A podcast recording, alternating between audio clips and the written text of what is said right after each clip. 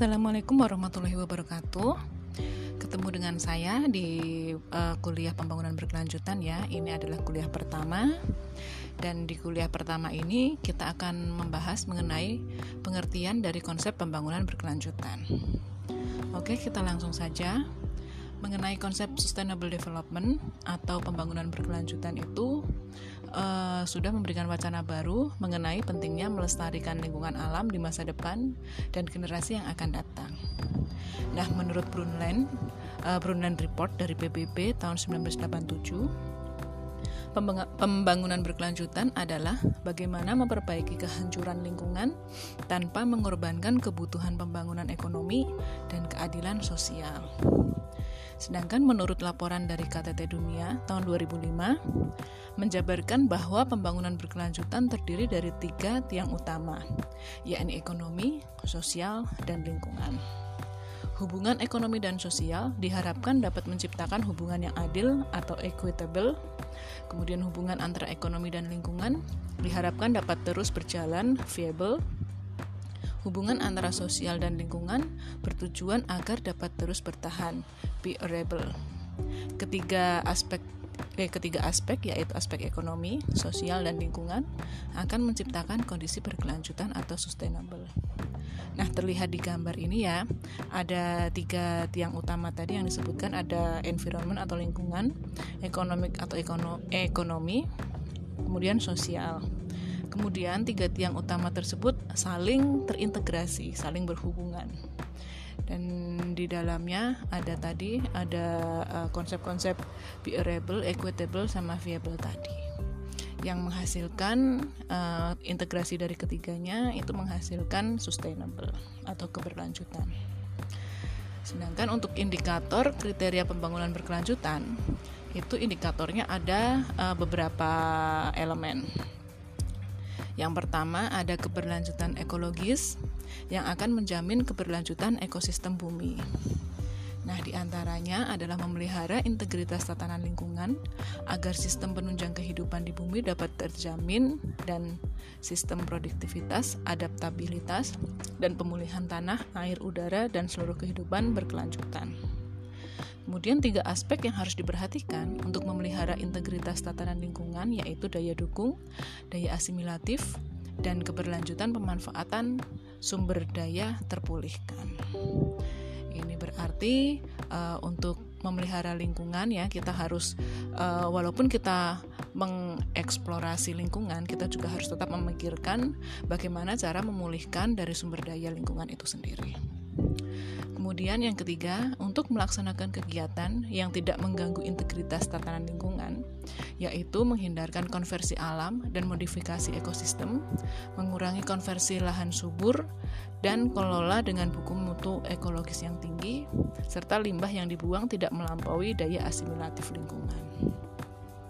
Kemudian ada pula keberlanjutan ekonomi, uh, untuk keberlanjutan ekonomi makro itu menjamin kemajuan ekonomi secara berkelanjutan dan mendorong efisiensi ekonomi melalui reformasi struktural dan nasional. Tiga, tiga elemen utama untuk keberlanjutan ekonomi makro yaitu efisiensi ekonomi, kesejahteraan ekonomi yang berkesinambungan, dan meningkatkan pemerataan dan distribusi kemakmuran.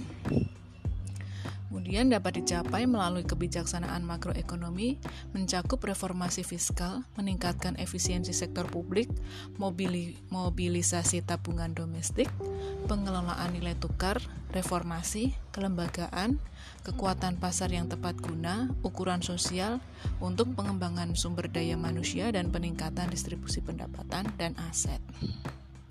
Kemudian ada pula keberlanjutan ekonomi sektoral, kalau tadi ekonomi makro, di sini adalah ekonomi sektoral.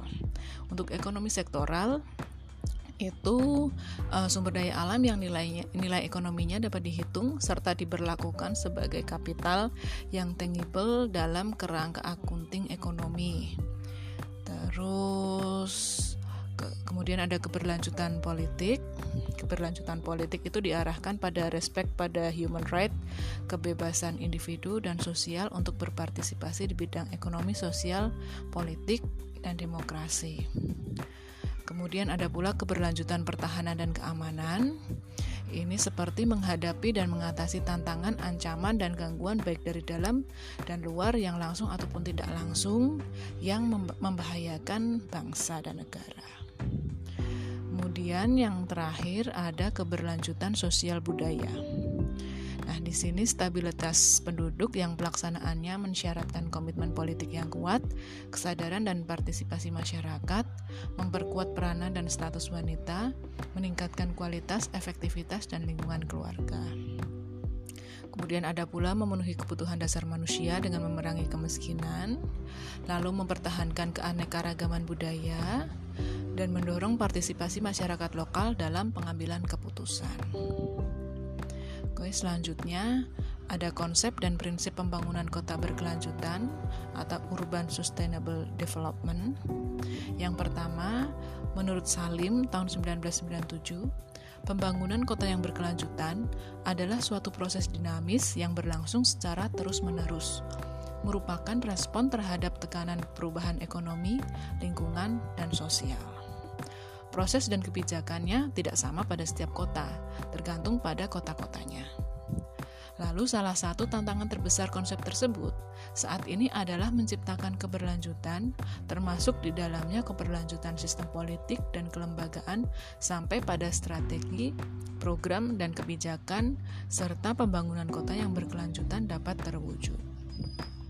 Kemudian, uh, menurut Eko Budi Harjo dan Su Sujarto di tahun 2009, kota berkelanjutan didefinisikan sebagai kota yang dalam pengembangannya mampu memenuhi kebutuhan masyarakatnya masa kini ataupun masa datang, kemudian mampu berkompetisi dalam ekonomi global dengan mempertahankan keserasian lingkungan, vitalitas sosial, budaya, politik, dan pertahanan keamanannya tanpa mengabaikan atau mengurangi kemampuan generasi mendatang dalam pemenuhan kebutuhan mereka. Kemudian ada pula menurut Research Triangle Institute tahun 1996 dalam bukunya Eko Budi Harjo juga ini dalam mewujudkan kota berkelanjutan diperlakukan diperlukan beberapa prinsip dasar yang dikenal dengan panca E yaitu environment, ekonomi, equity, engagement, dan energi. Nah, untuk environment ini atau ekologi diterapkan uh, dapat diterapkan melalui efisiensi lahan. Efisiensi lahan ini bisa melalui uh, penggunaan lahan campuran atau mixed use semaksimal mungkin.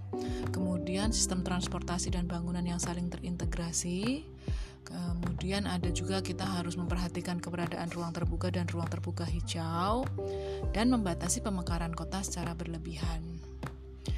Nah, untuk ekonomi atau employment, employment ya, itu e, menitik beratkan pada peningkatan keahlian untuk para pekerja agar mampu meningkatkan daya saing dalam memperoleh pekerjaan yang layak.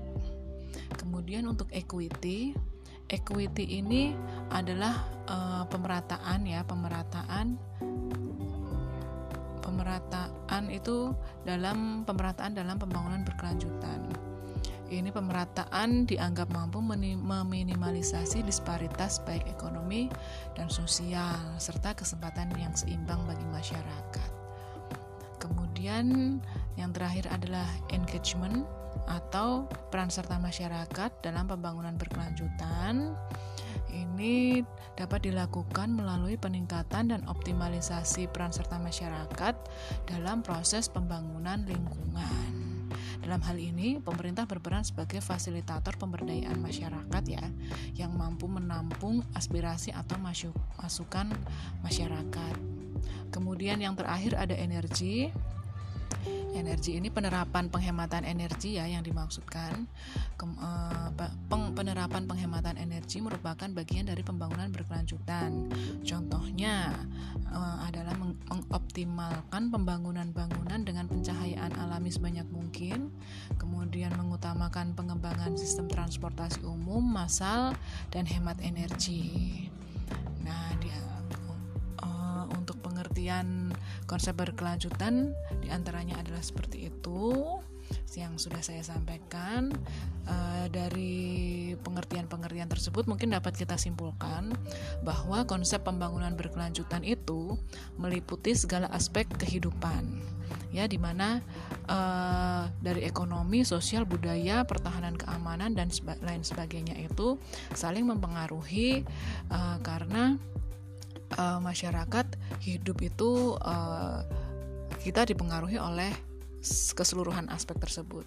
Nah, kita sebagai arsitek harus bisa uh, me mewadahi mewadahi segala kebutuhan dari konsep tersebut dan memikirkan keberlanjutannya untuk masa yang akan datang.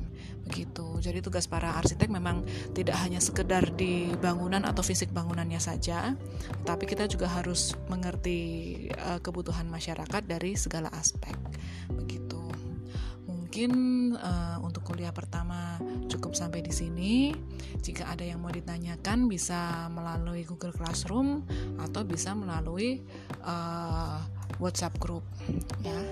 Lalu untuk minggu depan untuk sesi kedua besok kita akan uh, masih masih membahas mengenai pengertian dan konsep ber, berkelanjutan. Hanya saja besok kita akan membahas mengenai arsitektur berkelanjutan.